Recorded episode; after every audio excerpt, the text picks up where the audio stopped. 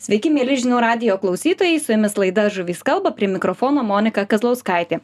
Šiandieną kalbėsime labai svarbia tema apie mūsų vandens telkinių likimą ir kokią mes poziciją priimsim ateityje galbūt šiuo klausimu. Kaip jau žinom, mes esam labai turtingi vandenimis, turim daug ežerų, upių, marių, tačiau žvėjai vis dažniau kelia klausimą, ką toliau darysime su jais. Didžioje, didžioje dalyje ežerų ir upių savininkė yra valstybė valstybė ir ji atsakinga už jų priežiūrą įžuvinimą ir kontrolę. Tačiau ar savininkas yra tapatus šeimininkui ar užtenka šeimininkiško požiūrio iš mūsų valstybės? Tai šiandieną apie tai ir diskutuosime su privataus ežero šaminis savininku žilvinu žitkumi sveiki žilvinai. Ir taip pat ichtiologu kęstučiu skrupskeliu. Sveiki kęstuči labas vakaras. Taip tai kęstuti jūs minėjote kad bendravote su užsienio kolegomis apie e, įvairią jų praktiką. Kas yra daroma su valstybiniais vandens telkiniais?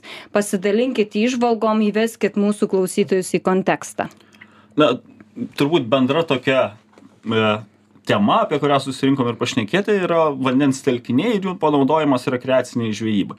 Tai ta problema vienoks ar kitoks panaudojimas vandens telkinių nėra savita būtent mūsų regionui ji plačiai yra iškelt iškeltas klausimas pasauliniu mastu. Tai e, teko bendrauti su kolegomis daugiausiai jungtinėje karalystėje prancūzijoje šiek tiek kaip jie sprendžia tas problemas su kokiom su kokiais iššūkiais susiduria ir į kurią pusę viskas vystosi. Tai na šiek tiek skirtumų tarp lietuvos yra bet yra ir vienodų dalykų kaip privatūs vandens telkiniai valstybės perleidžiami na kitaip galima pasakyti nuomojami vandens telkiniai ir visiškai valstybiniai vandens telkiniai į kuriuos dažnai patenka rezervatai saugomos teritorijos ir panašiai. Tai bendrai toks e, vandens telkinių naudojimas yra plius minus panašus visame pasaulyje, bent jau Europoje. Mhm.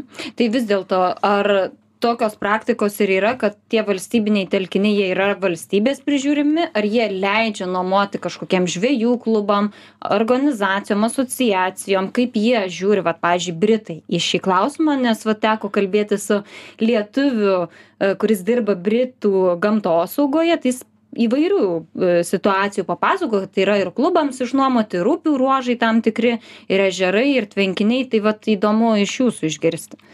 Jo iš tiesų jungtinėj karalystėj yra labai daug privataus turto ir tas privatus turtas dažnai yra ir vandens telkiniai ir netgi upės ko na visoj likusioj europos daly beveik nėra privačių upių. Uk tikrai jungtinė karalystė tikrai turi tą tendenciją ir daug yra privačių upių ir nebūtinai jos yra naudojamos pačio savininko. Jis neretai yra linkęs išnuomoti tą upės ruožą ar visą upę kažkokiam žvejų klubui kurie apsiema administratoriaus jau privilegiją ir administratoriaus teisėmis ar prekiauja leidimais ar reguliuoja visą žvejybos eigą mhm E, Žilvinai, jūs esat ir ežero privataus savininkas, taip pat ir, ir nuomojat ir, ir upės. Taip, taip, tai jūsų patirtis. Tai Britanijoje, tačiau ir Lietuvoje yra ypač mažesni upeliai, jeigu jie patenka į sklypo ribas, skaitosi privatus, taip kad iš šaminio ežero išteka vėžių upeliukas ir jis yra irgi dalis jo mūsų privatino savybė.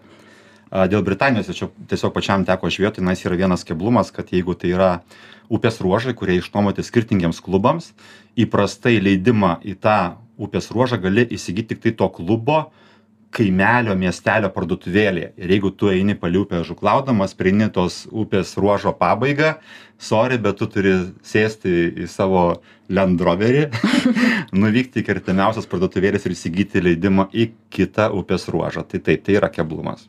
Kaip nepatogu kur tuomet visa virtuali erdvė visos sistemos šiaip imant lietuvos tvarką aš sakyčiau tai turbūt yra optimalus variantas. Net neabejoju kad kada ta tvarka buvo nustatinėjama greičiausiai kad jau mokomės iš svetimų turbūt pamokų.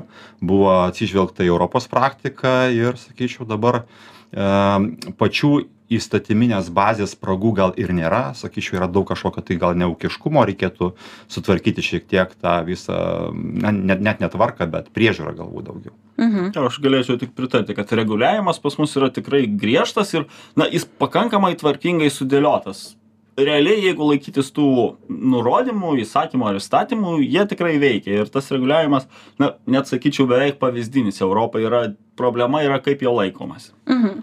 E, Žilvinai, jūs ir nuomojate ežerą, ar ne? Du. Taip. Taip, du ežerus nuomojat.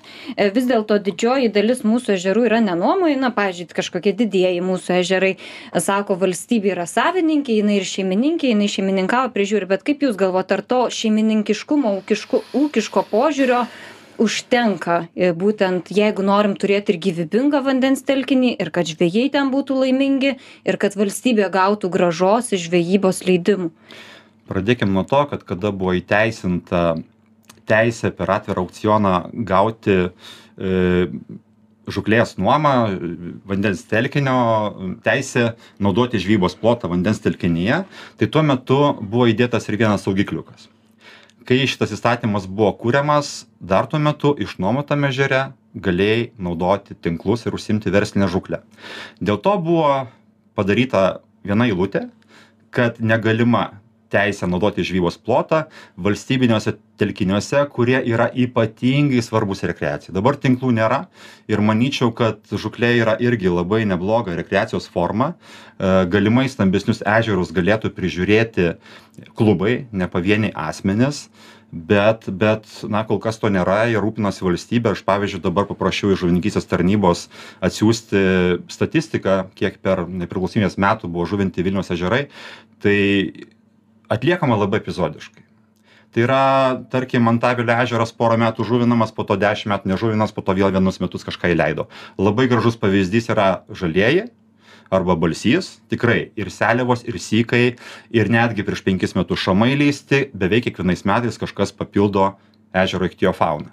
Tai va tas epizodiškumas kartais labai glumina, kodėl tas dėmesys neskiriamas netgi Vilniaus miesto ežerams, kurie turbūt Lietuvoje patiria vieną iš didžiausių presingų nuo žvėjų bendruomenės. Taip, Kestuti, kaip jūs galvojate, ar tuos didžiuosius ežerus verta svarstyti, kad ateityje būtų galima perleisti į žvėjų klubų priežiūrą?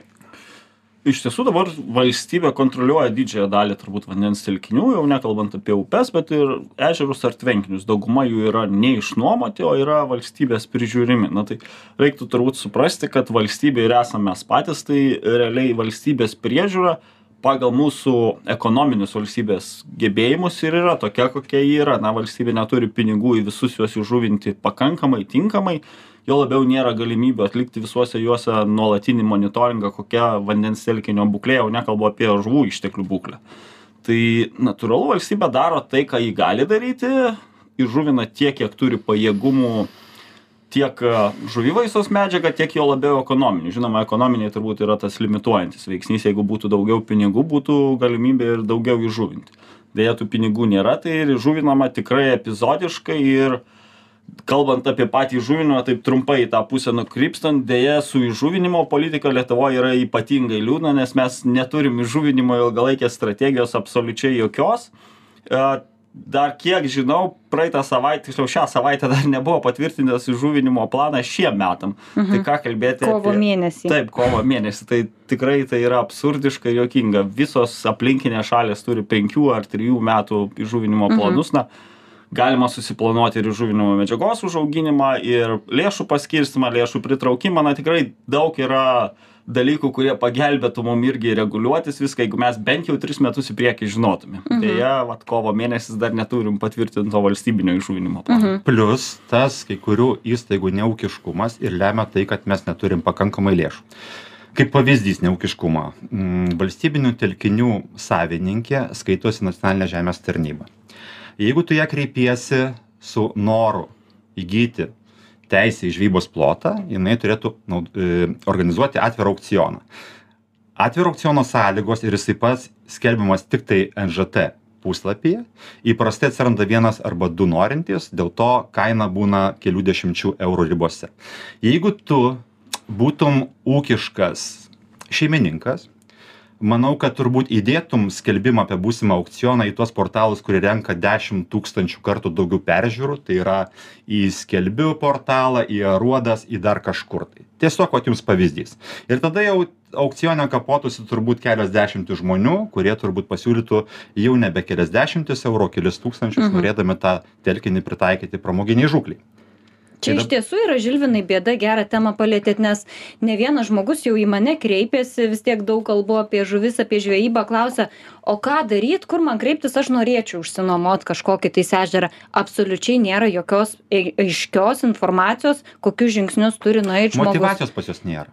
Nei materialinės, nei dar kažkokios. Tai yra, nu, sakykim taip, be labai kažin kokių blogų prasmių biurokratai, kurie daro savo darbą už tam tikrą tikrai neeuropinį atlyginimą ir kam prisimti daugiau pareigų ir darbų, jeigu gali tiesiog dirbti ir nu, Tikrai Gerai. taip, tas neūkiškumas ir dėl to žuvinimo, kaip minėjau, trys metai į priekį mes galėtume, na, ne kaip dabar kovo mėnesį paskelbėm, ko mums reikia įžuvinimui, iš kur gauti tą žuvį. Tai natūralu, staigiai jos iš niekur negausim, tai tie, kas turi, turi galimybę užsikeltą kainą ir vietoj to, kad valstybė nusipirktų pigiai žuvinimo medžiagą, jos nusiperka tris kartus mažiau, nes kaina ženkliai išaugusi. Mhm, tris kartus mažiau ir tris kartus brangiau. Jo, ir tada natūralu ir žuvina gerokai mažiau ir nuo to kenčiam mes visi. Tai to neūkiškumo, kaip Žilvinas sako, tikrai yra daug. Žilvinai, jūs turit kaip nuomininkų, nuomotojas e, ežero irgi kažkokias tai limitus, kiek jūs turit įžuvinti ežerą, ar ne? Taip, taip. Ir ar vat, kartais girdžiu iš žmonių, kurie nuomas, sako, tos normos net ir nurodytos tokios gana minimalios, mes sako, žuvinam daugiau. Kaip jūs galvojat, na, jūs laikotės tų normų, kaip, ar paskui kestutis galbūt papildys, ar, ar kaip, kuo remiantis tos normos dažnai būna numatomos? tie žmonės, kurie taip sakė, jau daro nusikalstamą veiką. Atsargiai. Atsargiai, jūs nusižengėte įstatymui, nes e, jeigu tu laimi aukcioną ir įgyji įgyji teisę naudoti žvejybos plotą, gauni minimales Lietuvos valstybinių telkinių įžuvinimo normas. Nu, tarkim, penkios lydekos vienam hektarui ežero. Yra visa lentelė, panašiai tokie kiekiai ir sviruoja. Apie penkias žuvis, penki plėšrūnai hektarų ežero. E, Jeigu užsakai mokslininkų vandens e, gyvūnijos išteklių tyrimą, tada jie nustato, kokias žuvis galima leisti į ežerą, gali tada pretenduoti į limituotą žūklę. E, Beros kokius penkis, mažiausiai keturis kartus išauga įžuvinimo normos, tada gali ir leidimo kainą padidinti, bet netgi jeigu nori įleisti daugiau, 10 procentų viršį nustatytą limitą, jau turi prašyti atskiro e, leidimo iš aplinkos departamento. Bet taip iš regiono departamento. Taip, iš regionų departamento. Mhm. Tai tas reguliavimas, aš galiu papildyti, jis yra na, normalus tam, kad e, žvėjai, mėgėjai savo nuožiūrą sakytų, aš žinau, kad reikia į tą ežerą karpių ir aš įleisiu karpių, kad, na, tiesiog, kad to nedarytų, nes da, dažnai tas noras padėti vandens telkiniui gali jam labai stipriai pakenkti. Tai tas reguliavimas a- atrodytų, kad jis yra per, perdėtinis, bet iš tiesų jis yra būtinas, kad nepadarytume blogų dalykų. Mhm. E, lygiai taip pat su tais išnuomotais vandens telkiniais, kaip Žilinas ir minėjo, yra atlikus tyrimus, išsiaiškins, kokia vandens telkinio būklė, tą įžuvinimo planą galima koreguoti ir dažnai jis yra koreguojamas, nes, kaip ir sakė pašnekovas, yra nustatomi patys minimaliausiai žuvinimų kiekiai, žuvinimo normos, tai tos penkias lydekos į hektarą turbūt suprantat, kad jos net niekaip nepagelbėja vandens telkiniui tapti žuvingesniu. Taip, bet man įdomu va, tas aspektas, kad ar ne mes turim tos vadinamosius valstybinės svarbos ežerus, mes jų neleidžiam niekam išnuomot, kokios yra rizikos, kokias rizikas išvelgia valstybė, kad kažkas išsinuomos ir niekam neleis prieiti prie to ežero, ar tiesiog pradės tinklus patys savo iniciatyvą statyti. Kadangi Ir... mano nuomojami ežerai yra Vilniaus mieste, kada aš laimėjau tą atvirą aukcioną, tada dėl saugomos teritorijos statuso, nes ten yra tapelių kraštovaizdžio draustinis, reikėjo gauti dar papildomą leidimą iš Vilniaus miesto savivaldybės, tai labai ilgai užtruko, nes kiekvienam kabinete į mane žiūrėjo labai įdomiom akutėm, galbūt jie vertina viską per savo sugėdimo prizmę, nes o kur čia dabar bus paslėpti milijonai? Kas čia yra ne taip? Kaip tai Vilniaus mieste dabar atiduosi nuomoti ežerą? Tai bandė, na, dar pripaišyti visokių pareigybių, kad privalėčiau 20 metrų aplink ežerą nusirinkti šiukšlės, kad privalėčiau atsisakyti tos teisės į nuomą, jeigu jie vis dėlto skubos tvarka tos ežerus įtrauktų į neišnuomotinų ežerų sąrašą ir ten visokių tokių buvo labai daug kliučių. Tai va, tai, tai manau, kad kartais atrodo, kad e, jeigu atiduosim kažkokiam klubui, e, atsiras e, perteklinis valiavimas, kažkoks piknaudžiavimas, bet man atrodo, kad šiuo atveju valstybė turėtų pasitikėti ir tuo pačiu verslu, ir tom pačiom e, bendruomenės iniciatyvom. Tai manau, kad tas nepasitikėjimas kartais irgi pakiša Mhm. šaus koją. Kestuti, kaip Jūs galvot, kur čia šuo pakastas, kodėl taip nenorim pasitikėtais žvėjais? turbūt ne vien žvejais, čia tas yra toks... Žvėjų e, klubais, jo, draugijom ar kitais. e, biurokratijos kažkokiu- gal baimė pačių biurokratų, nes turbūt didesnių vandens- darbo daugiau jo, jo, prisidarytų turbūt savo daugiau darbo, bet to pačiu susimažintų jo ateityje. Tai man sunku pasakyti, kodėl neišnaujo, bet tų baimių yra, na, turim blogų pavyzdžių Lietuvoje, kai būta bandymų nusavinti tą vandens telkinį išsinovavus, ypač tas matoma mažuose vandens telkiniuose, kuomet e, atlikus tyrimus pradeda vykdyti limituotą žuklė, pakeliama ta maksimaliai įmanoma kaina ir pridaroma labai daug reguliavimo priemonių. Tai realiai žvėjui, ypač vietiniam gyventojui, mokėti tą 10 eurų už dieną žvejybos ir ne, neturėti teisės pasimti jokios žuvies į namus. mažiausiai pusė limituotos karpių žuklės telkinių taiko rekomendacijų barjerą, nors tai nėra oficialiai reglamentuota, bet jie taiko.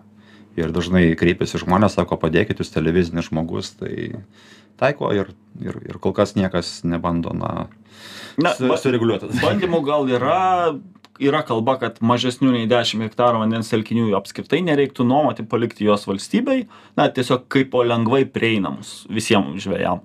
Nes tokį vandens telkinį tikrai labai lengva nusavinti, sudaryti sąlygas, kad žvėjam tiesiog neapsimokėtų ten atvykti. Ir kas tuomet tam vandens telkinį vyksta, kuomet jame nėra aplinkui žvėjų, galim tik spėlioti. Iš tiesų labai sunku. Na, turim 10 metų periodą nuomos tą, kuris yra standartinis ir e, pasidaro žvejys tyrim, nuomotojas tyrimus pirmais metais ir 10 metų apie vandens telkinį nežinom nieko. Po Patikėkit, per 10 metų sugadinti vandens telkinį tikrai netgi nėra labai sudėtinga. Jį galima nualinti iki nulio beveik. Mhm, supratau. Bet e, dar noriu pakalbėti apie buvusį mūsų Merkio e, atvejį, kur buvo e, upė išnuomota klubui. Tai čia toksai buvo galbūt ankstesnis atvejis. Esu vienas iš Merkio klubo steigėjų. Taip. Ir tarp žvėjų Ir yra toks senas. Dar, tarp žvėjų yra tas merkio atvejis tikrai minimas geruoju, kad va tuo laikotarpiu tam ruožė buvo tikrai padaugėję žuvies, bet vis tik susiklosti taip, kad jau nebenuomoja merkio upės. Dalis yra. Tikrai dalis yra nuo turgelio beros iki jašiūno, kur yra įteisinta limituota žuklė, tas pats klubas Merkys beros to užsiema. Um, tikrai buvo tvarka ir tvarka pasakysiu dėl ko. Visi, kurie steigia tą Merkio klubą ir naujai ateinantis nariai, būdavo įpareigoti kaip garbės kodekso laikytis vienos paprastos taisyklės - mažiausiai du reidai per metus. Nebuvo mes nei netatiniai, nei dar kažkokie inspektoriai, tiesiog teko man ir už žiguliuko durelių įsistvėrus ir per žolę vilktis, kai bandė vieni brakonieriai pabėgti ir, ir tikrai tai buvo vienas iš geresnių Lietuvos telkinių priežiūros pavyzdžių. Tai va, tai, tai nieko baisaus būtų ir tie upių ruožai, tikrai nemanau, kad reikia baimintis, reikėtų nustatyti kažkokius tai rėmus, iš kurių negalėtų klubai išeiti. Ir jeigu išėjo, tam tarkim, pirmą kartą įspėjimas, antrą kartą jau tiesiog ta nuoma panaikinama, kaip beje dabar yra, jeigu vandens telkinio nuomininkas du kartus grubiai nusižengia aplinkos apsaugos taisyklėm, irgi gali būti ta nuoma panaikinta. Mhm. Bet čia vat yra irgi įdomus momentas. Ne, praėjusiais metais nuskambėjo gana garsiai tas atvejis, kai Ukmergės e, medžiotojų ir žvėjų draugijos pirmininkas buvo sučiuptas brakonieriaujant lašišas Jesarties upėje ir tuomet jisai užėmė draugijos pirmininko pareigas. Tai vis dėlto jeigu draugijos pirmininką pakeičia, tai realiai tuomet jau niekas as- asociacija, draugija atsakomybės kažkokios neneša ir jiem tuomet jau ir toliau jie gali nuomotis tuos vandens telkinius. Nes ukmergės MŽD nuomavosi, jeigu neklysiu, daugiau nei 10 įvairių vandens telkinių savo rajone. Tai iš tiesų labai svarbus momentas yra, kad pirmininką pakeitėm, viskas tvarkoj, toliau nuomojamės. Iš tiesų su nuoma yra daugiau tų dalykų, dėl ko galbūt valstybė nėra labai suinteresuota nuomoti, nes dabartiniai įstatymai yra tokie, kad žvėjys, iš- na, klubas ar fizinis asmo išsinuomavęs vandens telkinį 10 metų jame gali nieko nedaryti ir po 10 metų vėl eiti į aukcioną dar kartą išsinuomoti, jau nebeturėdamas pirmenybės teisės pratęsti nuomą, bet tiesiog dalyvauti aukcione. Realiai 10 metų jis nežuvina, renka tik tai... Kaip nežuvina? Uh, Privalai dabar pranešti į tą užsiregistruotą yra privaloma, bet nėra numatyta baudžiamosios kažkokios atsakomybės realiai. Wow. Ir tas yra tikrai... Ir tas tikrai yra... Nušvitimas, ar ne? Tas tikrai yra pasibaisėtina. Lygiai taip pat kaip su tais neleidimais žvėjų prieiti prie vandens telkinio ir panašiai. Realiai to daryti negali. Na, maksimum, ką jis gaus, tai bus jam sekančiam periodui nebeišnuomotas vandens telkinys, nes atvejų kad būtų atimta nuoma aš kol kas nežinau Mhm. E, su merkio klubu taip e, gal žilvinas nežino bet šiuo metu merkio klubo tas buvęs prižiūrėtas ruožas nuo turgelio iki jašiūnų jis yra valstybės yra naudojamas ir valstybė vykdo limituotą žūklę Mhm. ten tą leidimą gali įsigyti per Tai sistemą vadinasi, ant Merkio klubo sukurto gėrio dabar mm, arkliuką perėmė valstybė. Gerai, mes dar būtinai pasikalbėsim ir apie Merkio klubą, ir apie Šešupę, dar irgi toks irgi įdomesnis atvejis. Nuostabus. Taip, būtinai sugrįšim labai greitai, mėlyžinių radio klausytojai, niekur nepabėgit, tuoj sugrįšim pas jūs. Sveiki sugrįžę, su jumis laida Žuvys kalba, prie mikrofono Monika Kazlauskaitė. Toliau kalbamės apie mūsų vandenis, kaip juos galim tikslingiau išnaudoti rekreaciniai žvejybai. Diskutuojame kartu su privataus ežero Šaminis savininku Žilvinu Žitkumi, taip pat ichtiologas e, su mumis Kestutis Skrupskilis. Tai dar šiek tiek panagrinėkim tą buvusį ir esamą Merkio atvejį. Žilvinai, minėjot apie uh, kontrolę, kad vykdavo įvairūs reidai. Tai tam tikra prasme, ką aš ir pati esu pastebėjusi, iš užsienio praktikos, vad Lenkijoje, San upėje, berots, jeigu neklystu, žvejojom kiršlius ir ten irgi yra išnuomotas upės ruožas ir ten tokie vadinamieji mes kabutėse rangeriais vadinam, kurie vis pravažiuoja ir patikrina, ar nieks neteina nelegaliai žvejot. Tai tarytum žvejų klubas užtikrina kontrolę, nuima tam tikrą darbą ir nuo gamtos apsaugos departamento, nes mūsų pareigūnai tikrai gyvosios gamtos nespėja visur. Tai jeigu mes turėjom tokį sėkmingą atvejį, tai kaip jisai va taip paėmė ir nebeliko jo praktiškai. Nežinau, vad kestutis per pertraukėlę uh, atnaujino mano žinias, pasirodo tą būtent Merkio klubo e, upės ruožą dabar perėmusi valstybė, tai nieko negaliu pasakyti apie paskutinius veiklos metus, bet turbūt kokį dešimt metų nuo pat klubo įsteigimo buvau aktyvus jo narys. Tai ką galiu pasakyti, tai viskas jau pasenusios žinios. Mhm. O bet jūs kažkokius irgi žuvinimus lygiai taip pat kaip ežere, taip ir upėje reikia vykdyti, ar ne? Tai be abejo, turbūt daugiausia būdavo išleidžiama upėtakių į Derežnos upeliuką, labai tokį sraunų. Teko pačiam dalyvauti, matyti tą visą grožį. Tikrai jie buvo vykdomi reguliariai, tai nežinau, kas ten kuo nusikalto.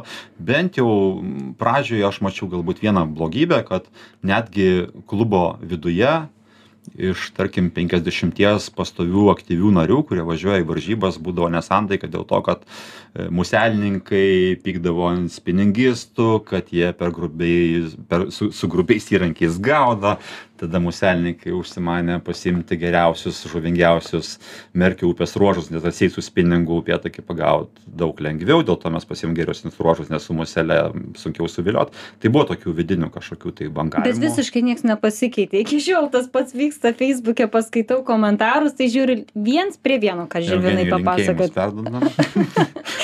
Kestuti, vis dėlto, jeigu tai pafantazuotume, turim tikrai gražią, gražių lašišinių upių, kur turbūt daug kas pasvajotų, kad va, tos upės ar upių ruožai būtų išnuomoti kažkokiam tais klubui, asociacijai ar draugijai. Ko mums reikėtų, kad mes tą galėtume padaryti? Pasikeitusio mentaliteto noro nenusavinti to vandens telkinio turbūt vienintelis dalykas kurio reikėtų Mhm.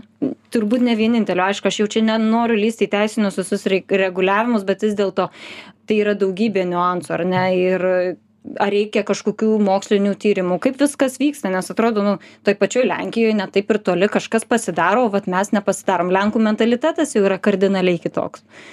jis turbūt panašus bet kaip ir minėjau na valstybė neturi lėšų visiem vandens telkiniam prižiūrėti ir juo labiau juos ištirti. Tai vandens telkinio ar jo ruožo upės atveju nuoma galėtų pagelbėti nes turėtume galimybę tiksliau reguliuoti tą žuvų populiaciją siekdami vieno ar kito tikslo. Na tai jeigu tai yra išnuomotas upės ruožas turbūt tikslas aiškus tai rekreacinei žvejybai tai tuomet ir tas žuvininkystės vystymas e, atlikus tyrimus jis jau būtų kreipiamas į tą pusę kad būtų žvejam mėgėjam gerai ar tai būtų gerai pačiai ekologiniai na ekologiniai vandens telkinio būklei ar ekosistemai čia jau kitas klausimas bet visada turbūt galim surasti a, tinkamą variantą kad būtų ir ir avis sveika ir vilkas sotus Mhm. tai Galim dar pasikalbėti apie gražų šešupės atvejį. Aš gal norėčiau dar pasidalinti truputėlį savo išvalgą dėl to, ko trūksta. Mm, Kažkada Linas Jonauskas pakvietė būti visuomeniniu patarėjų žviejų rojaus klausimais. Tie žviejų rojai buvo įsteigti Molėtų ir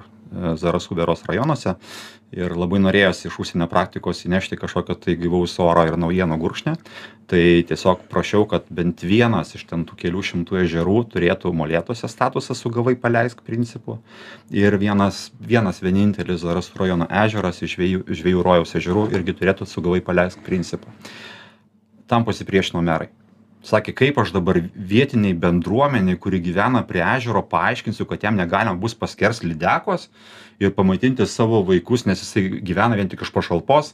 Nu sakau pasikvieskit bendruomenės susirinkimus reikės išaiškint kad jeigu penkis metus ten nebūtų žudomos lydekos galbūt atvažiuotų džonas kuris mokėtų šimtą eurų už tai kad tas pats žmogelis parodytų kur ta lydeka gyvena ir jis galėtų pamaitint vaikus ne tiktai lydekos mėsa bet galbūt ir kumpio nupirkt. Bet tai yra tas senas mąstymas vat nenoras keistis Mhm. Tai... Na, nuomos klausimų čia irgi norėčiau oponuoti, kad visgi tie poreikiai žvėjų mėgėjų yra labai skirtingi.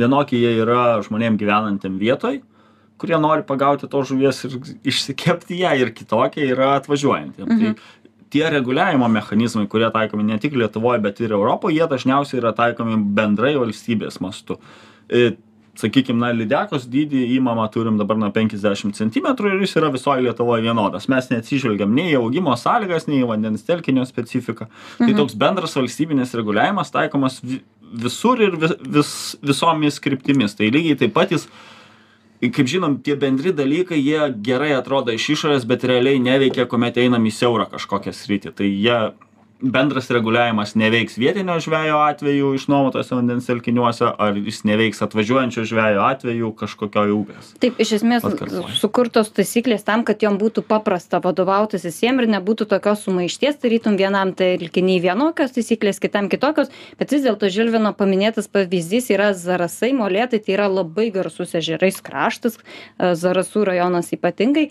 Ir ne, man visą laiką keista ir aš to nesuprantu. Jeigu vieną ežerą padarom, pagavai paleisk. Pavyzdžiui, ir lodės žvejai- lydekos. Pavyzdžiui, ir jie gali kepti karšius, ką tik nori, bet vat lydekos privalu paleisti. Šalia tiek yra daug ežerų, tas pats lodykštis ir visi kiti šventosios basino ežerai, nu tu pavažiuok 5 km. ką aš ir norėjau pasakyti, kad jeigu vienam negalima, nu, ne jau taip sudėtinga tokiam ežeringam krašte rasti kitą vandens telkinį, kur tu tą galėtum padaryti. Jeigu kalbam apie žmonės, kurie neturi darbo, tai ką jie veikia? Dviratį jeigu neklystu, ir važiuoji. valdybė startavo su labai gerom iniciatyvom, jie tas dydžio ilgio normas e, ir kiekio normas kitaip pareguliavo pagal save ir jie yra šaunuoliai. Apie centimetrus tai vėl ne visoje Lietuvoje. Nuo gegužės pirmos galiu pakviesti patį ir galėčiau leisti jums paimti pas save šaminio privačiame žerė 30 cm lydeką oficialiai. Kestuti važiuosit? ne kažkaip esu jau nustojęs kepti tas žuvis Ne, tai- šaminiam tik kai sugavai paleist, bet šiaip, nu, jeigu pakeičiau sąlygas, tai nenusižengčiau įstatymams, negaliu keisti įrankių skaičiaus, negaliu leisti žvejoti žuvies neršto periodu, bet minimalų įmamo žuvies dydį galėčiau nustatyti. Mm, čia irgi įdomu. Tai jau pirmai klausiau apie šešupę.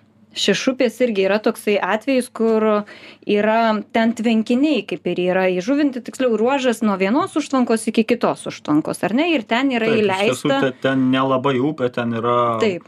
Ten ir leidime. kaskaduota upė Kas liko iš upės? tai kas liko iš upės jo Taip, bet tai yra toks e, atvejis, kai atrodytų ne visiškai patrauklų vandens telkinį, nu, čia galima svarstyti įvairiai, bet vis dėlto turbūt ne patį įdomiausią vandens telkinį tikrai padaryti tokiu patraukliu rekreacinės žvejybos objektu. Ten yra įžuvinta vaivorykštiniai upėtakiai, kurie tarp užtvankų gyvena ir jie niekur neišplaukia. Tai e, kaip pakomentuotumėt šitą atvejį, Kestuti, jūs, kaip jūs žiūrit, ar na, tai yra galimybė galbūt pasimti dabar jau tam tikrą prasme atidirbtą pavyzdį ir bandyti, na, kitoj upėj pabandyti tarp tų užtvankų kažką naujo įgyvendinti. pats pavyzdys tikrai nebuvo sveikintinas na ne vietinę svetim krašte rūšį leisti žuvinti pratekančiame vandens telkinyje kur žuvys turi visišką laisvę migruoti žemyn upe patekti į nemuną ir panašiai na pakankamai plačiai iš išplisti tai tas pats tai faktas kad tai įvyko nebuvo. Labai sveikintinas ypač iš tos ekologinės pusės žvelgiant. Bet žvelgiant iš rekreacinės žvejybos ar tų socialinių aspektų tai vienas gražesnių šiuo metu vandens telkinių upės atkarpa ruožas kur tikrai yra labai daug tų vaivorykštinių upėtakių vandens telkinys tiek pats tvenkinys tiek tas mm, tekantis lietai vandens ruožas aukščiau tvenkinio esantis jis ypatingai gerai prižiūrimas ir pačią žvejų bendruomenę šiek tiek pažįstu jie iš tiesų labai stengiasi kad viskas būtų sąžiningai tvarkingai ir gerai daroma žuvina ir vandens ir patį tvenkinį ir tą upės ruožą na vi vis viskas veikia tiesiog puikiai ir gražu žiūrėti kaip šiuo metu viskas vyksta bet tie vaivorykštukai jie neištrūksta iš e, to vandens ar jų būna tikrai atvejų? labai daug išmigruoja žemyn upėn Mhm. Iš- Nieko baisaus turbūt, jeigu ir jie ištrūksta, nes natūraliom Lietuvos sąlygom jie nesidaugina. E, tekdavo dar tais laikais, kai žvėjodom upėtakius suslieku. Čia tie pirmieji nepriklausomybės metai. Žvėjoti meros prie Žemėnos upės ir ties Žemėnos upe buvo Berods Žagarinės kaime irgi vaivorykštinių upėtakių e, tvenkiniai ir labai dažnai pavasarį būdavo jų pabėgimų ir, ir meros upėje tikrai pasigaudom gražių vaivorykštinių ir nepasakyčiau, kad labai jau ten blogą įtaką, išskyrus galbūt konkurenciją dėl maisto ir galbūt pavalgydavo biškit ant tų mažų margių, greičiausiai, kad tai. Iš tiesų daugintis vaivorykštinis upėtakis na kaip ir bando lietuvoje ir kaip visam šitam regione tiktai tų sėkmingų atvejų mes neturim fiksuotų. Artimiausias turbūt yra suomija o šiaip ramiojo vandenyno lašišos na kuriom ir priskiriamas vaivorykštinis upėtakis tas jo dauginimosi ciklas pavasario nerštas mūsų regionui visai netinka ir na sėkmingų atvejų nėra žinoma bet iš principo ar galėtume pasinaudot šitu pavyzdžiu nebūtinai tai turėtų būt vaivorykštiniai upėtakiai bet tiesiog panaši situacija. Turim ruožą tarp dviejų užtvankų kur žuvys neišeis parink kažkokią žuvų rūšį kuri tiktų tam vande vandens telkiniui ir tiesiog va duot kažkokiam klubui kad prižiūrėtų žmonių pritrauktų atvažiuotų turizmą šiek tiek paskatintų.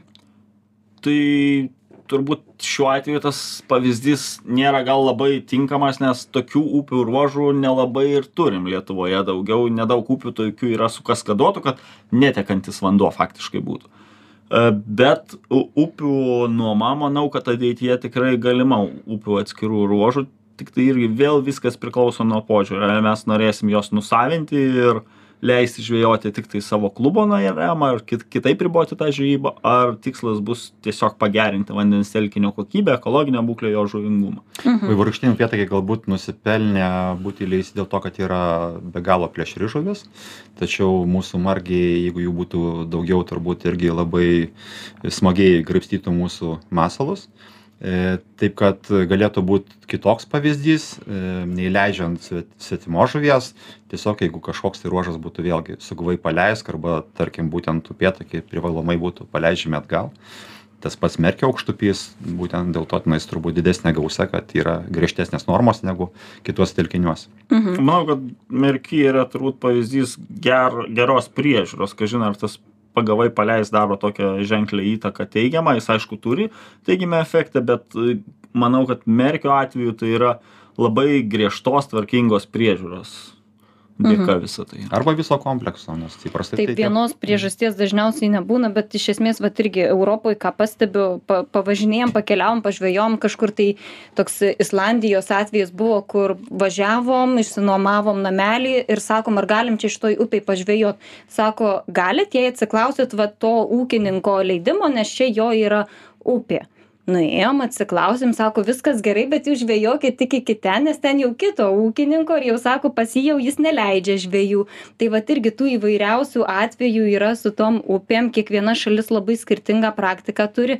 Ir būtų tiesą pasakius net įdomu jeigu mes šiek tiek leistume paeksperimentuot kažkokiem vat ir nežinia, tas atsakingiem ūkininkas būtų leidęs, jeigu nebūtų prašysi Monika, o jos draugą. nu greičiausiai čia žinot labai subjektyvu vertint. Jo, tai, tai tos nuomos iš tiesų visi tie reguliavimai ir jų, jų pati esmė yra turbūt žuvų išteklių išsaugojimas arba jų pagausinimas. mhm Ir aišku, turim tą socialinį aspektą, kad padalinti to žuvų išteklius visiems po lygiai, na tai ir tiem, kurie ne- nežvejoja, o norėtų valgyti žuvį, ir tiem, kurie yra, na, turi lengvatas kažkokias socialinės, ar tai būtų pensininkai, ar invalidai, ar vaikai.